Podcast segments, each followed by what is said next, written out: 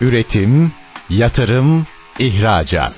Üreten Türkiye'nin radyosu Endüstri Radyo sizin bulunduğunuz her yerde. Endüstri Radyo'yu arabada, bilgisayarda ve cep telefonunuzdan her yerde dinleyebilirsiniz. Endüstri Radyo.com Salih Keskin ve Meral Dal Keskin'in hazırlayıp sunduğu Ya Olsaydı programı başlıyor. Düşünülmeyeni düşünmek, fark edilmeyeni fark etmek ve birlikte zihinsel egzersizler yapmak amacıyla oluşturduğumuz Ya Olsaydı programına hoş geldiniz. Hoş geldiniz. Ben Meral Dal Keskin. Ben Salih Keskin. Salih, birlikte hazırlıyoruz programı. Geçen hafta Konya'dan selamını ilettik. Evet. O, e, sonra bir Ankara oldu. Artık karıştırıyorum. Onu ben de karıştırıyorum. Bu hafta birlikteyiz. Birlikteyiz, evet. İstersen bir geçen hafta neler yaptık onları sana bir özet geçeyim. İzlediğini biliyorum, takip ettiğini ama bizi dinlemeyi kaçıran değerli dinleyicilerimiz için geçen haftaki programımızın başlığı iş ve yaşamda dengeydi. Yine güzel yorumlarınızı aldık. Çok teşekkür ederiz. Ee, neydi dayanıklılık? Dayanıklılık bir kişinin büyük zorluklardan sonra kendini toparlayıp başarılı olması. Ve e, hep sorulan bir soru var sana da geliyordur bu konuyla ilgili. Neden bazı insanlar diğerlerinden daha dayanıklı? Bunu konuştuk. Ve dayanıklılığın bir beceri olduğunu, bunun geliştirilebileceği üzerine de baya bir e, egzersiz çalışmalarıyla birlikte güzel bir program gerçekleştirdik. Aynı zamanda hani dayanıklı olan insanların özelliklerine baktık Salih. Ee, bizi yolda dinleyenler, iş yerlerinde dinleyenler ve evde dinleyenler de kendine bir check-up yaptı. Dayanıklılık check-up'ı bu arada. Nelere baktık istersen bir tekrar özet yapayım. Çok kısaca. Mesela dedik ki dayanıklı insanlar cesurdur. Siz de kendinizi ne kadar cesur olarak tanımlarsınız. Birden ona kadar puanlayın dedik. Yine koşlukta kullandığımız gibi. Cesaret tapı mı var burada? Cesaret hapı yok. Hapsız. Ama cesaret hapı olabilecek tabii ki ilham alabileceğiniz hedefler, kendine olan güveniniz, e, misyonunuz, yaşam amacınız bunların hepsi bu anlamda buna çözüm olabilir. Sonra esnektirler dedik. Şefkatlidirler ve özellikle kendilerine de şefkatli davranırlar. Bunun yanı sıra olumlu bir zihniyete sahiptirler ve çevreleri insanlarla doludur. Olumlu insanlarla doludur. Kendilerinin daha farkında oluyor dayanıklı insanlar. Şu anda olup bitene odaklı şimdi konusunda daha odaklılar. Kendilerine iyi bakıyorlar ve en önemli olan konulardan bir tanesi de değiştirebilecekleri ve değiştiremeyecekleri şeyleri mücadele ediyorlar ama kabul ediyorlar aynı zamanda. Bir de yine pek konuşulmayan bir konu. Ekiplerde dayanıklılık, takımlarda dayanıklılık. Bunu hiç konuşmuyoruz iş yerlerinde. E, çünkü çok ekip kurgumuz herhalde çok olmadığı için olabilir. Yani ekiplerle ve takımlarla da aslında çalışmalar yapılabileceği yine takım koçluğundan gelen bir bakış açısı. E, takım koçu değilse e, bireyler, yöneticiler ya da insan kaynakları bunun ne kadar önemli olduğunu fark edemiyorlar diye düşünüyorum. Yani belki de toplumun da bir birliktelik ruhunun da çok güçlü olması gerekiyor ya. E, bir video izlemiştim. Hı hı. Yani Avrupa'da ambulans gelince yoldaki bütün arabalar duruyor ve sağa sola e, resmen savruluyor diyelim. Ortada bir yol açılıyor kalabalık yolda. İşte aynı şey belki ülkemizde olduğu zaman nasıl cereyan etti sen biliyorsun. Evet fermuar yöntemi yavaş yavaş ülkemizde de başladı ama her zaman uygulanıyor mu? Uygulanmıyor. İstanbul'da artık fermuar yöntemiyle ambulansa yol açmayı televizyonda da görmeye başladık. Yavaş yavaş çok güzel bir noktaya temas ettin sen de. İş yerinde takımların dayanıklılığı da çok önemli. Biliyorsun son dönemde özellikle yaptığımız çalışmalarda çalışanların motivasyonunun gün geçtikçe daha düştüğünü bizzat biz de gözlemliyoruz çalışanlarla yapmış olduğumuz çalışmalarda ve özellikle de motivasyon artışı ile ilgili programlarımızda mümkün olduğunca hem konuklarımızla hem bizim e, tecrübe deneyimimizle birlikte özellikle uygulanabilir ipuçları vermeye çalışıyoruz. E, dayanıklılık, takımlardaki dayanıklılık da motivasyonla çok ilintili bir konu ve 2-3 tane egzersiz çalışması önerdim. E, hem benim uyguladığım takımlarda başarılı olan hem de uygulandığını bildiğim.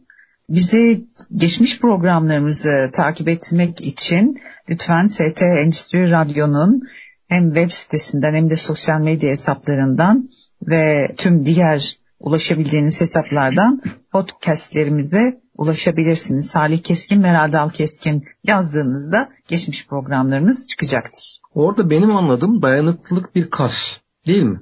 Dayanıklılık bir beceri kası evet. Yani bunu geliştirmemiz lazım. Nasıl yani kol gücünü geliştirmek isteyen insanlar gidiyor çalışıyor spor salonunda veya başka türlü. Orada da bu dayanıklık kasının e, zihinsel bir kas, duygusal bir kas bunu geliştirmesi gerekiyor. Evet aynı zamanda çok güzel dedin fiziksel bir kas yani e, hepsi bir arada. E, ve hani e, dayanıklılık dedik, iş yaşamda denge dedik. Bu haftanın konusuna o zaman giriş yapalım. Çünkü hani nasıl e, takımlarda dayanıklılık önemliyse sektörlerde de dayanıklılık çok önemli.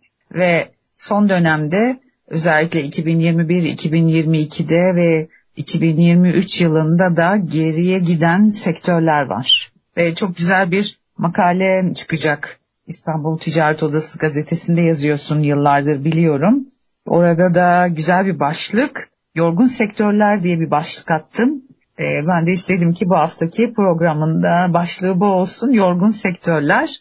Birçok sektör var aslında yorulan değil mi? Mesela züccaciye sektörü artık e, hani Türkiye'de çok üretilirdi. Hem daha küçük işletmelerde hem büyük işletmeler tarafından diyelim isim veremediğim için. Ancak bu da büyük bir kayıp var. Matbaa sektörü.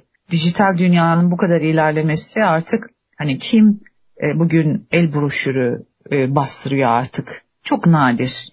Ha, kim bastırıyor? İşte halı yıkamacı yine koyuyor kapımıza ama e, ne kadar bu sektörü besleyebilir ona bakmak gerekir. Tekstil sektöründe alarm var. O da özellikle hani verileri de bir bakarız az sonra kimin yazısına denk geldim. Akdeniz Tekstil ve Ham Maddeleri İhracatçıları Birliği Yönetim Kurulu Başkanı Sayın Fatih Doğan bir açıklama yaptı. Bu açıklamada da tekstil sektörü alarm veriyor dedi. E, ve e, biz de buna destek olsun istedik. Çünkü destek bekliyor kendisi. Biz de kendi çapımızda tekstil sektörünün bu e, durağanlaşan ve geriye giden rakamları nasıl toparlayabiliriz?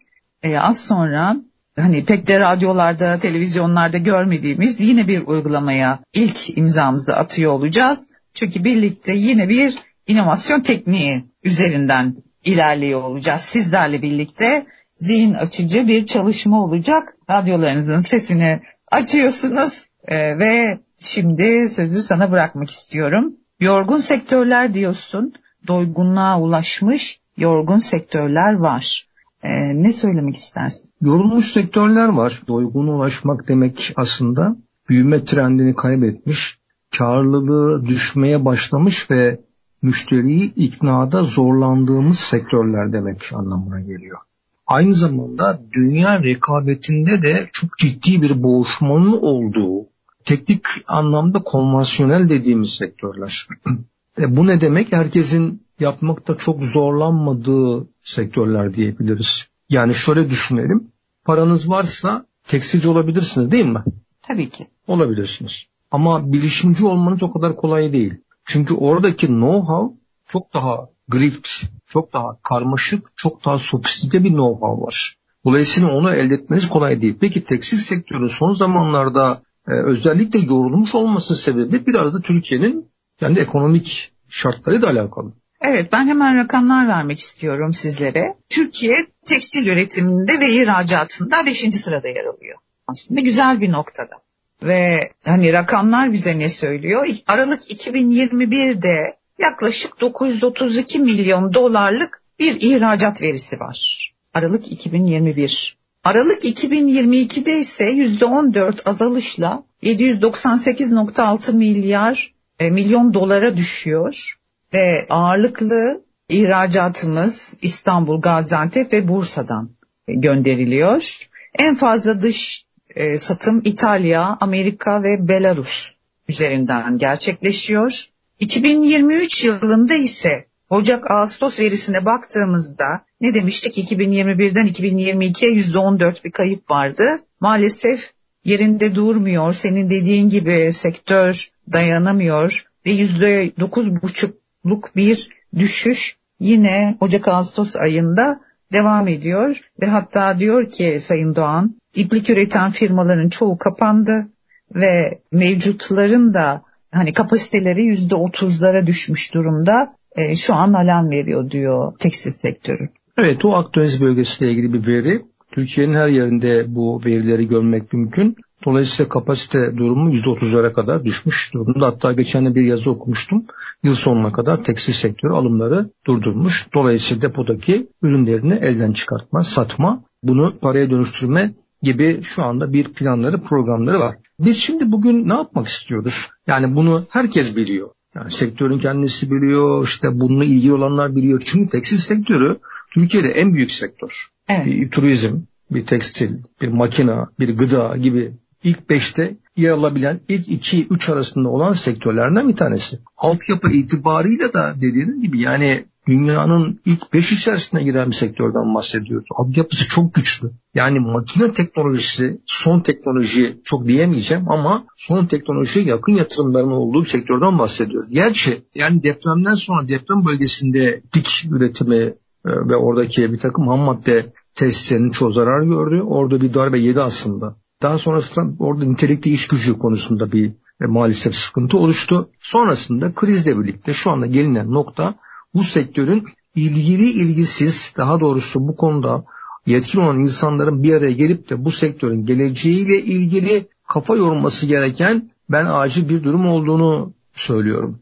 Kesinlikle sana katılıyorum. Çünkü hani niye düşüyor diye baktığımızda hemen hemen tüm yetkililer şöyle diyecektir. Bizim de aklımıza o geliyor tabii ki. Özellikle e, hatırlarsan 2022 yılında bir enerji krizi söz konusuydu bir ara. O çok etkiledi. Sonra tabii ki yüksek üretim maliyetleri başı çekiyordu e, sektör bazında. 2023 yılında da malum içinde bulunduğumuz artan enflasyon ve girdi maliyetlerinin yüksekliği sektörü zor durumda bırakıyor. Ve tabii ki herkes yorulmuş durumda. Biz farklı bir şey yapacağız bu programda seninle birlikte yine. O da gelecek üzerine bir deneme yapacağız. Çözüm üretmek için ve burada da bir senin uyguladığın, takımlarla uyguladığın, şirketlerde uyguladığın bir çalışmayı, e, inovatif bir çalışmayı burada gerçekleştiriyor olacağız hep birlikte. Sen bir aynı zamanda inovasyon koçusun. Bu tür uygulamaları çok yaptırıyorsun. Gerçi hiç radyoda böyle uygulamalar yapılmadı tabii ki. Ama şimdi bizi takip eden dinleyicilerimiz lütfen pür dikkat bizimle birlikte kalın ve e, az sonra siz de e, kendi e, düşüncelerinizi ve yorumlarınızı burada değerlendirebilirsiniz. Ne dersin? Evet bu teknik PIOS 4 dediğimiz silikon maddelerinde kullanılan bir teknikten bahsediyoruz. Çapraz eşleştirme dediğimiz bir teknik. İlgili olan veya olmayan o konuyla ilgili başka sektörlerin çarpıştırılması esasına dayanıyor. Yani biz tekstil sektörünü farklı hangi sektörle çarpıştırırsak o sektörün özelliklerinden kendine bir şeyler alabilir ve dolayısıyla o yenilikçi bir ürün ortaya koyabilir diye düşünelim. Çok Burada şimdi tabii ikinci yarıda e, buna devam edelim. Evet.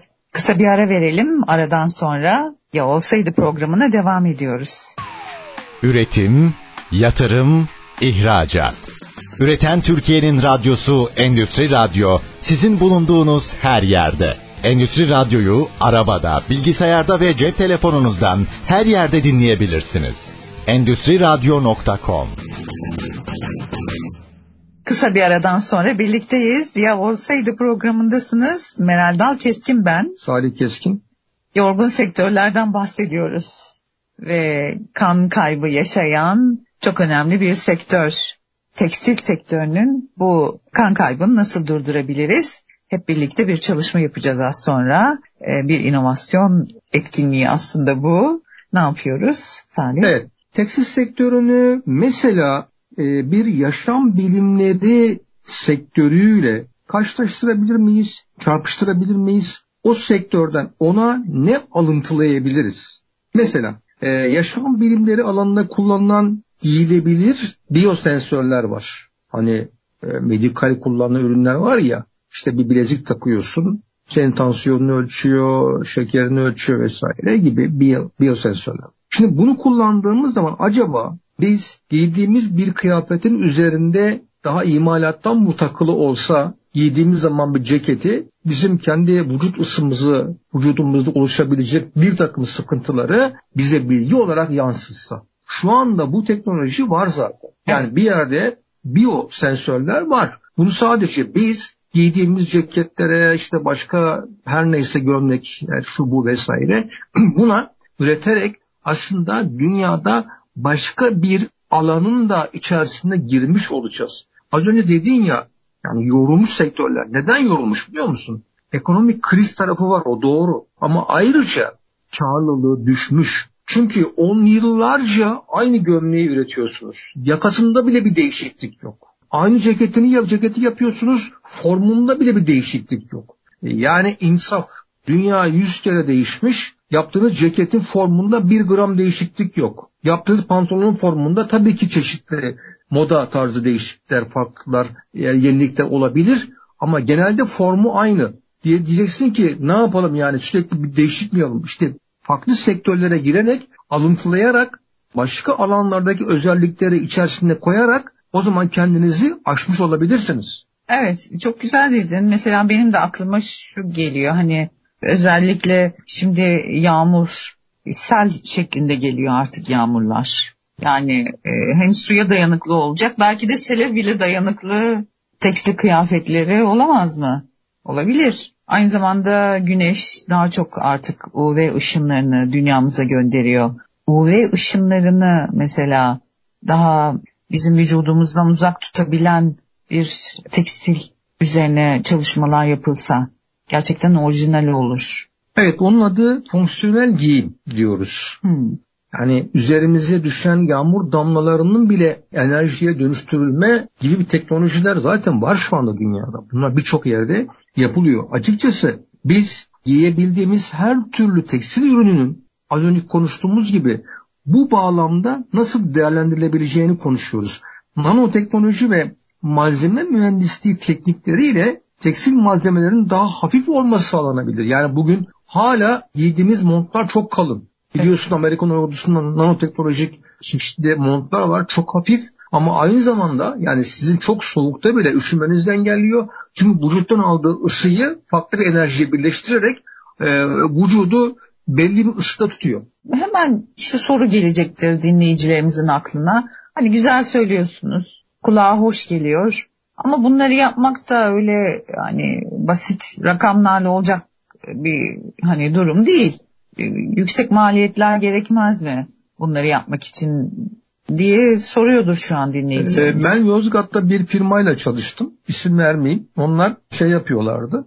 Bildiğimiz hani askerlerin çelik kaskları vardır ya miğfer diyoruz ona biz. Kafasına evet. taktı. O bir buçuk kilogramdır aslında. Şimdi normalde tabii patenti ona ait değil. Patentleri Amerikan bir firmaya ait. Normalde kumaşları ben gezdim imalatta gördüm. Kumaşları üst üste koyuyorlar. 40 tonluk plasta basıyorlar. 150 gramlık bir kurşun geçirmez miğfer elde ediyorlar. Ya bu teknolojiye şu anda firma yetişemiyor bunu karşılamaya. Yani talebe yetişemiyor. Çünkü Türkiye'deki iş gücü dünyaya göre son bu yani yabancı paraların hareketinden dolayı bizim Türk paramızın değeri düştüğü için onların parası bizim paramız kadar çok kıymetli. Dolayısıyla onların bizden aldıkları ürünler çok ucuz geliyor onlara. Bu bir avantaj onu söyleyeyim. Yani e, şunu mu demek istiyoruz? Aslında bu konu maddi bir konu değil. Cesaret, bilgi ve eyleme geçmekle ilgili bir konu mu? Bence bir vizyon. Yani eyleme niye geçemiyoruz? Vizyon yoksa geçemeyiz. Ben şunu söylüyorum. E, o kadar çok tekstil firmasına gidiyorum ki daha çok Bursa'da. Yani bir değişme gibi bir niyetleri de yok zaten. Yani şu anda bizim yaptığımız şey aslında benim yaptığım iş 10 sene sonrayı bugüne getirmek. Değil mi? Yani bu teknoloji az önce konuştuğumuz ve birazdan anlatacağımız birçok faktör, birçok yenilikçi yaklaşım önümüzdeki yıllarda zaten dünyanın birçok firmasında şu an yapılıyor ve daha da fazla yapılmaya devam edecek. Ben diyorum ki daha bugünden uyarıyoruz. Vizyonlarını açmak istiyoruz. Diyoruz ki neden siz dünyanın bu değişimini pas geçiyorsunuz? Yani bu aslında geriye düşüş bizim kaderimiz olamaz. Bunu değiştirebiliriz. Biz onların kaderine mahkum değiliz Türkiye olarak. Harika. O zaman ne dedik? Ee, hani fonksiyonel olarak e, yaşam tarzına uygun suya ve ultraviyole ışınlarına dayanıklı giysiler üretebilirler. Nanoteknoloji ve malzeme mühendisliği belki e, bu anlamda tekstil malzemelerinin daha hafif olmasını sağlayabilir. Bir de sağlık sektöründe aslında kullanılabilir. Tabii. Yani bu konuda biliyorsun yani yaşlı insanlarımız çok fazla. Yani yaşlı nüfus çok artıyor dünyada. E, kronik hastaların özellikle takip edilmesi gereken hastaların giyilebilir kıyafetlerle ilaç sağlayan sistemler geliştirilebilir. Yani belli zamanlarda uzaktan bir uygulamayla idare edilecek, kontrol edilecek. Vücuda ilaç vermesi gibi sistemler zaten dünyanın birçok ülkesinde saat gibi taktığınız şey size ilaç zeklediyor zaten. Bunu kıyafetle, bunu tekstille birleştirmek e, bence şey bir akıl, üst bir akıl şu anda geliştirmektir bence. Mesela yine uyku problemi yaşayan arkadaşlarım var. Belki orada da kullanılabilir. Evet, bioaktif ürün diyoruz biz buna esasında. Ee, az önceki konuştuğumuz mantığın bir, bir nevi devamı. Bugün biliyorsun modern insan e, ciddi uyku sıkıntısı yaşayan bir insan. Burada da yine bir nanoteknolojik bir aslında yaklaşımdır diyebiliriz. Yine burada mesela tekstil sektörüyle yaşam bilimleri alanında dokum mühendisliği bilgisi birleştirilebilir. Ve ne olur? E, kişiye özel protezlerin ve ortopediklerin daha uyumlu olması sağlanabilir. Yani sizin giydiğiniz herhangi bir kıyafet, kıyafet oradaki sizin protezlerinize destek olacak kıyafet olabilir. Veya kıyafetin kendisinde bu olabilir. Evet, çok güzel bir evet öneri. Katılıyorum. Yani neden şunu düşünüyorum. Neden ortopedik alanla tekstil sektörü bir araya gelmez? Çünkü ortopedik dediğimiz alan o kadar büyük bir tıpta bir bölüm ve hastanelerin hepsinde çok yani fizik tedavi e, sistemleri şunlar bunlar. Mesela tekstil sektörü bunlarla ilgilenmedi ve ilgilenmiyor. Ben diyorum ki sizin mühendisleriniz, argeleriniz neden hep aynı işleri yapmaya odaklanır? Neden argenin işi bu değil midir? Arge bundan 10 yıl sonraya, 20 yıl sonraya gider, uçar. Peki biraz da hani zaman zaman da konuşuyoruz. E, sektör e, küçük tekstil atölyesinden başlıyor kurucuları. İşte işler çok iyi gidiyor. Bir açık buluyor. işini çok iyi yapıyor. Hızlıca büyüyor. Sonra personel iki katına çıkıyor. Üç katına çıkıyor.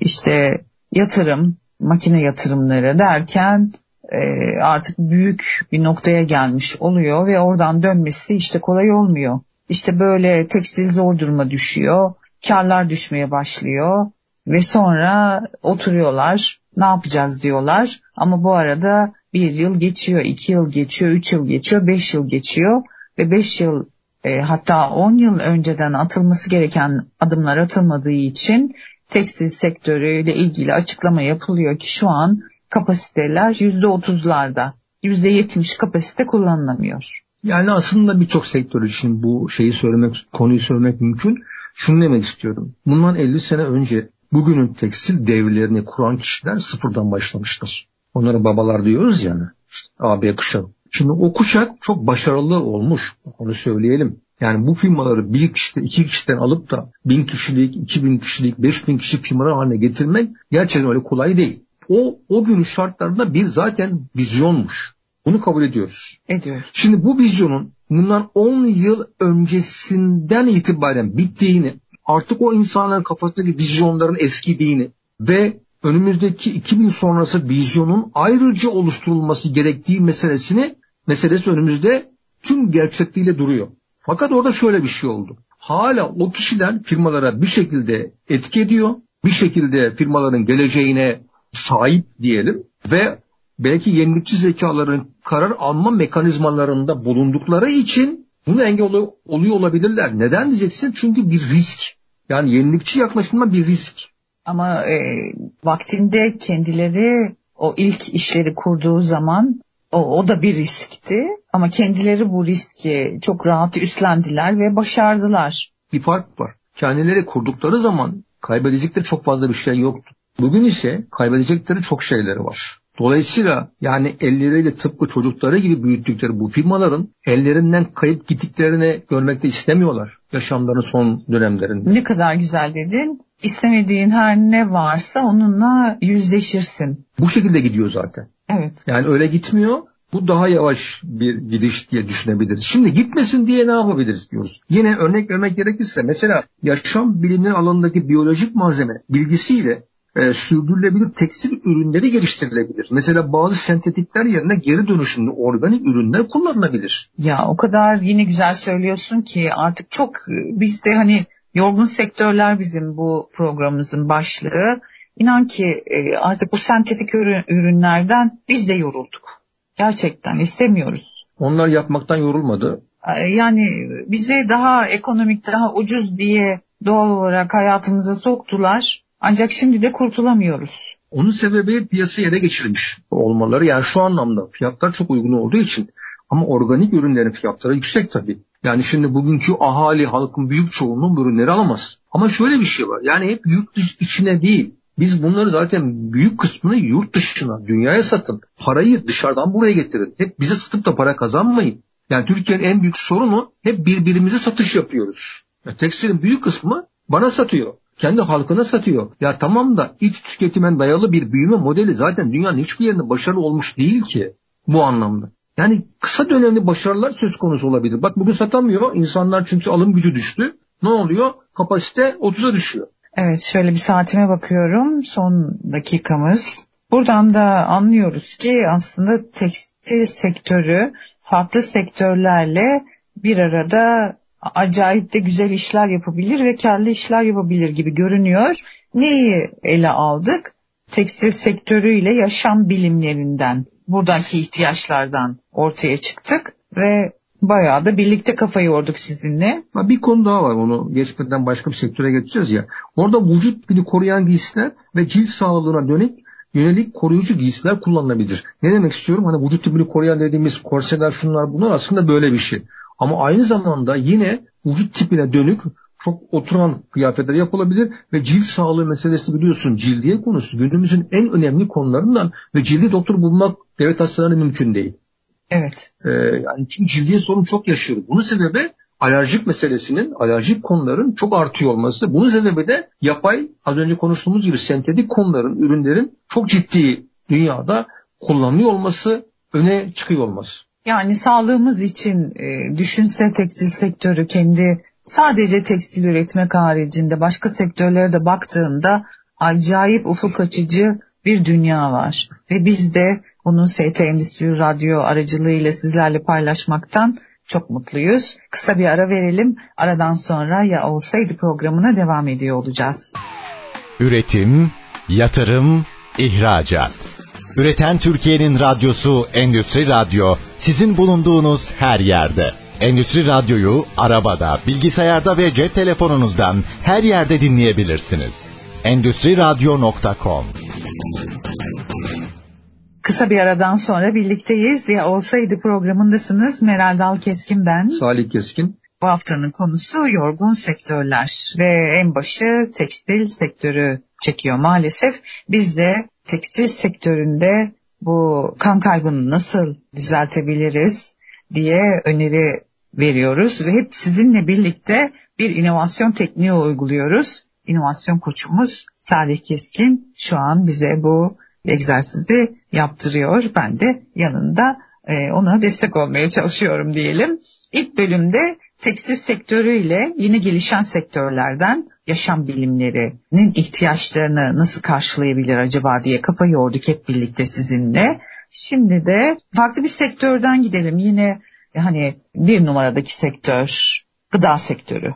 Acaba gıda sektörüyle tekstil sektörü nasıl birlikte işbirliği yapabilir? Yani şöyle diyelim gıda sektörü ile yapılacak iş bildiği sonucunda tekstil sektörü nasıl canlanabilir? Daha nasıl güzel olur. Evet, evet çok güzel. Peki. Ben diyorum ki tekstil sektörünün ürettiği kumaş ve malzemeler gıda sektörü için bir ambalaj malzemesi olarak kullanılabilir.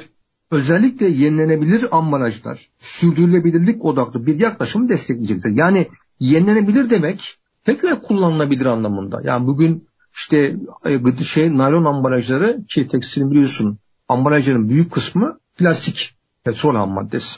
Yani kumaşı da değiyor bu arada. Temas ediyor. Şimdi diyoruz ki acaba gıdadaki ambalajların, bu sentetik ambalajların, bu naylon ambalajların, petrol ham maddesi olan ambalajların nasıl tekstil sektöründeki O doğal biz iplikle buluşturabiliriz. Yani Eskiden an... sözünü kesiyorum biliyorsun file vardı. Biz hani naylon poşet çocukluğunu ben hatırlamıyorum kullanmazdık. File tekstille ilgili veya bez poşetler hala var. Biraz maliyet yüksek ama oraya ufak ufak marketler giriyor galiba. Tabii aklıma şeyi getirdin. Hani alakasız bir şey söyleyeceğim şimdi. Normalde eskiden kablolu mouse kullanıyorduk. Kablosuz mouse'a ihtiyacımız olduğunu farkında değildik ama şu an artık herkes kablosuz mouse kullanıyor ağırlıkla. Burada da şu an belki çok aklımıza gelmiyor. Bu tür sektörlerle işbirliği yaparsa tekstil sektörü nasıl canlanabilir diye ama e, özellikle sen çalışmalar yaptırıyorsun. Ortakta katıldığım çalışmalarda gözlemliyorum. Hem ARGE ekipleri hem inovasyon ekipleriyle birlikte konuyu ortaya aldığınızda çok e, enteresan, inanılmaz fikirler çıkıyor. E, çıkar çünkü beynimizin yaratıcı tarafı var. Ben hep söylüyorum. Beynimizde şubeler var. Konuşmak bir şube, hafıza bir şube, düşünmek bir şube değil mi beynimizde? E, yaratıcılık da bir şubesi aslında. Ama biz yaratıcılık şubesini beynimizde en az kullandığımız şube olarak görüyoruz. E, şu an yine bir soru soruyor e, dinleyicilerimiz. Diyorlar ki çok güzel gidiyor.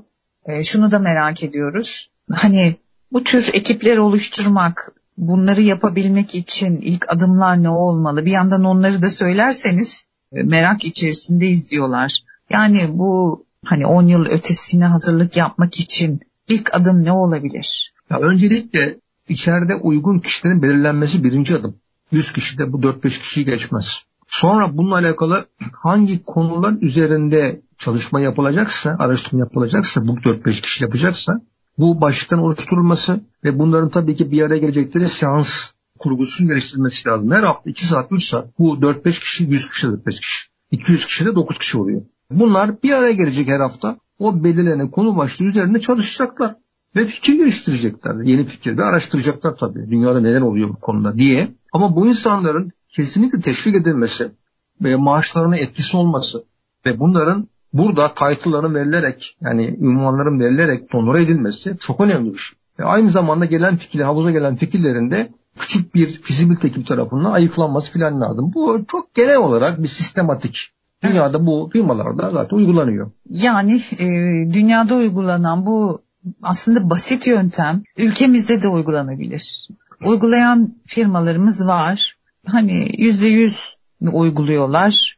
E, hayır. Hepsi yüzde yüz tüm söylediğin adımları maalesef gerçekleştirmediği için de başarılı olmadığını görüyoruz. Ama küçük hani dokunuşlarla hemen kendilerini düzeltebilirler ve siz de küçük bir adım atarak o 100 kişi de 4 kişiyle işte 1000 kişilik bir organizasyonunuz varsa 40 kişiyle bu çalışmalara başlayabilirsiniz. Ne dedik devam edelim. Gıda sektörüyle yapılacak işbirliği tekstil sektörünü nasıl canlandırabilir? Tekstil sektörünün üret, üreteceği bazı kumaşlar e, gıda sektörü için ambalaj malzemesi olarak kullanılabilir dedin. E, yanı sıra şey geliyor benim aklıma hani modayı da takip eden biri olarak böyle hani gıda temalı pek e, tekstil ürünü de hmm. e, karşılaşmıyoruz belki. Hani kendi reklamını da yapabilir. E, ne dersin?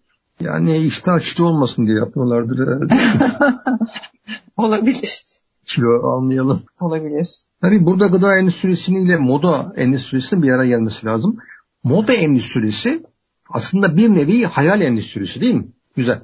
Peki gıdada hayal endüstrisi nasıl işler diye düşünüyorum. Tabii ki yeni ürün üretmek anlamında bir hayali var orada o ayrı. Ama onun ötesinde yani bunun sunulması, bir, bir cazibe alan oluşturulması, bununla alakalı bence gelecek projeksiyona nasıl oluşturulur? Gıda da gelecek neyi ifade ediyor? Şimdi mesela aklıma şey geldi. Geçen konuştuk ya Amerika'da yapay et 3D ile yapılıyor biliyorsun yazıcıyla. Maalesef evet. evet. Doğru. Şimdi o bir hayalin ürünü. Doğru veya yanlış tartışılır tabii. Hayalin ürünü. Yani dünyada bazı kesimler, bazı milletler diyelim, e, bazı yapılar gıdada geleceğimizi kurguluyor. Yani mesela mail yoluyla köfte ısmarlayabilirsin bana. Mail gönderiyorsun. Ben 3D'den yazıcıdan çıkartıyorum köfteyi. Ekmek arasına alıyorum yiyorum. İşte bir gelecek. Dedim ya doğru yanlış tartışılır. Ama biz gıdada hala yani küçük çok küçük hareketleri aşamazken dünya çok büyük radikal inovasyonlara odaklanıyor.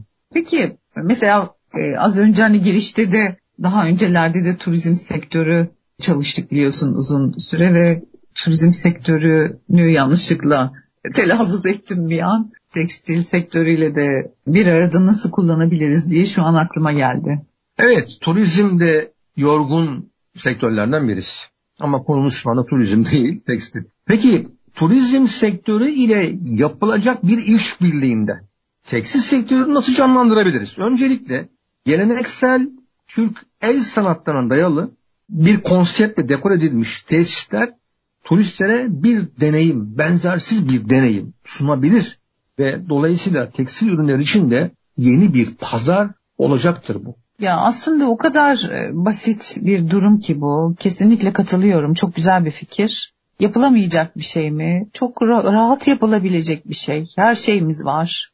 Ve gerçekten de turistler için o kadar e, cazip olur ki yerli turist için de yabancı turist için de. Ya Avrupa'nın birçok şehrinde binalara el değdirim çivi çaktırmıyorlar. Yani sanıyorsunuz ki 16. yüzyılda falan yaşıyorsunuz yani. Özellikle İngiltere'nin belli yerlerinde, İtalya'da binalar çok eski falan tabii restore ediliyor. Şimdi neden bunu yapıyorlar? Çünkü geçmişi yaşatmak bence çok önemli bir fikir. Hatırlıyor musun Denizli'ye gittiğimiz birkaç kez Denizli'ye gittik yine bir proje dolayısıyla. İstedik ki e, hani Denizli'de e, Denizli'nin tekstil ürünlerini görebileceğimiz neler var acaba diye çarşısına gittik, sorduk, araştırdık. Ancak Denizli'nin ürünlerine dair herhangi bir şeyle karşılaşmadık.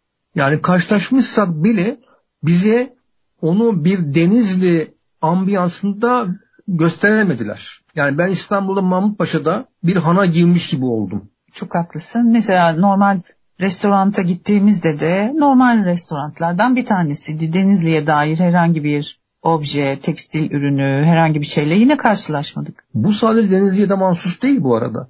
Yani Karadeniz'e gidiyorsun. Karadeniz'de en fazla rastladığın şey kebap. Kebapçı. Mesela Konya. Çok ilginç. Ya da ne diyelim Manisa. Evet yani yöresel tabii ki var restoranlar işte yerler vesaire ama azalmış. Yani burada tabii ticari kaygılar çok fazla öne çıkmış gibi gözüküyor. Velhasıl biz turizm ile tekstili eşleştirdiğimizde şöyle bir takım yenilikçi yaklaşımlar eşleştirmeler bulabiliriz. Mesela turizm ve tekstil sektörü ortak özel etkinlik ve festivaller düzenleyebilir ve bu etkinlikler için özel tasarlanmış kıyafetler ve aksesuarlar üretebilir tekstil sektörü. Yapmıyor mu? Yapıyor ama bu konuda çok yoğunlaşmış olarak değil. Bir talebi karşılamak için bunu yapıyor. Yani özellikle iki tarafında argesi bir araya gelip biliyorsun dünyada çarpmaz argeler bir araya geliyor. En son Delta Hava Yolları'nın argesiyle bir sağlık grubunun argesi bir araya geldi ve Delta'nın bir tane sistemi sağlık grubunu uygulanmaya başlandı. Dünyada bunlar yapılıyor. Bizim yani turizmle, tekstil, gıdayla, tekstil, kozmetikle birazdan konuşacağız. Tekstil bir yere geldiği zaman argeleri veya fikir insanları orada çok ciddi yeni fikirler üretilebilir. E, moda etkinlikleri dediğin gibi hani e, daha da arttırılabilir. Turizm bölgelerinde düzenlenebilir ve tekstil sektörüyle işbirliği yaparak bu defileler daha da belki çoğaltılabilir. Çünkü sanat da devam etmesi lazım. Tabii ki o bizim ana damarlarımızdan bir tanesi. Burada tabii turizm biliyorsunuz sürdürülebilirlik esası üzerine de oturuyor. Yani dünyada turizm mantığı böyle kısa dönemli bir hizmet ver ve e, bu işte insan sağlığına, çevreye, iklime, ona buna duyarlı e, ve hassas bir şekilde kurgulanmış olması lazım. Burada sürdürülebilirlik odaklı turizm anlayışı çevre dostu tekstil ürünleriyle bu uygulamaları birleştirilebilir. Mesela e, yerel tekstil üreticileri organik ve pamuklu kumaşlar ve geri dönüştürülmüş malzemeler üretebilirler. E, dolayısıyla bizim turizmdeki bu duyarlılıkları kapsayacak bir tekstil iştirakine, bir ilgisine, alakasına ihtiyacımız var. Evet, şöyle bir saate bakıyorum. Az bir zamanımız kaldı. İstersen e, çok da merak ediyorum kozmetik sektörü dedin. Kozmetik sektörüyle acaba tekstil sektörünü nasıl canlandırabilir? Mesela kozmetik ürünlerin ambalaj için kullanılabilecek çeşitli kumaşlar ve malzemeler tekstil sektörü sağlayabilir. Bu çok önemli. Nedir bunlar? Ee, doğal ve organik kozmetik ürünlerin ambalajında bu sürdürülebilir tekstil ürünlerini kullanabiliriz. Şimdi ne demek istiyorum? Yani kozmetiklerin dış ambalajları var ya onlar da plastik ve dolayısıyla o plastikleri biz şeyde kullanabiliriz. Kozmetik ambalajlarda. Kozmetik sektörünü biliyorsun yani sağlığa çok da bir ne diyelim daha uygun olması önemli kozmetik sektörünün. O konuda bence çok yapılacak işler var. Ve tekstil sektörü doğal liflerden e, oluştuğu için bu konu üzerinde çalışabilir. Diğer ise kozmetik ile moda endüstrisi işbirliği yaparak ortak koleksiyonlar ve makyaj temalı giyim tasarımları oluşturabilirler. Burası önemli. Mesela Türkiye'nin tekstil endüstrisi doğal liflerin üretimi konusunda, işlenmesi konusunda büyük bir bilgi birikimine sahip. Ha bu bilgi birikimini kullanarak tekstil kökenli kozmetik ürünleri geliştirilebilir. Nedir bunlar? Antimikrobiyal ürünler özellikle tekstil malzemelerinde cilt bakımları ürünleri gibi konular kullanılabilir. Şimdi şunu söylemeye çalışıyoruz. Nasıl ki önümüzdeki dönem bir söz var biliyorsun.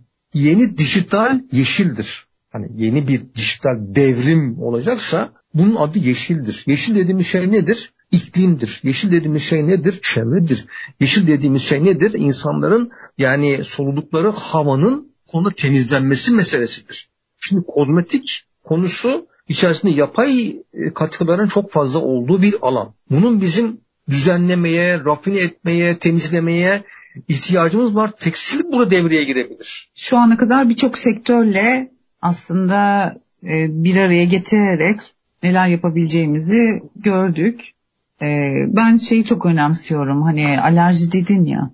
Hani bugün bebekler de alerji artık. Alerjik. Yetişkinler, e, hepimiz benzer sorunlar yaşayabiliyoruz. Özellikle tekstil ürünleri ve alerjiyle ilgili konular çok dikkatimi çekti. Burada neler olabilir? Evet yani mesela alerji duyarlı tüketicilere yönelik tekstil ve kozmetik ürünleri birleşimi düşünülebilir. Yani eğer şimdi tekstil ile tekstilin aklıyla kozmetiğin aklı bir araya geldiği zaman alerjiye duyarlı ciltler için neler ortaya konulabilir meselesi çok önemli bir mesele. Bunu birlikte ele alabilirler diyoruz. Evet yine e, çok hızlı geçti sizinle birlikte değerli dinleyicilerimiz. Yorgun sektörlerden tekstil sektörünü bu hafta çalıştık. Çünkü bu konuda alarm veriyordu, destek istiyordu sektör. Biz de kendi çapımızda destek olmak amacıyla bu programı sizinle birlikte gerçekleştirdik. Yine devam ediyor olacağız e, çalışmamıza. Tabii ki hani ne dedik? Bu ve daha nice yenilikçi fikirler bir havuza aktarılarak sektörlerin geleceği için değerlendirilebilir, fizibilite edilebilir ve uygun olanların tabii ki üretimine geçilebilir. Bunun içinde her şeyin sahibiz. Sadece söylediğimiz gibi e, o vizyona sahip olmak ve adım atmak. Bizler de her zaman desteğe hazırız. Bizi dinlediğiniz için çok teşekkür ederiz. Haftaya tekrar görüşmek dileğiyle. İyi günler diliyoruz.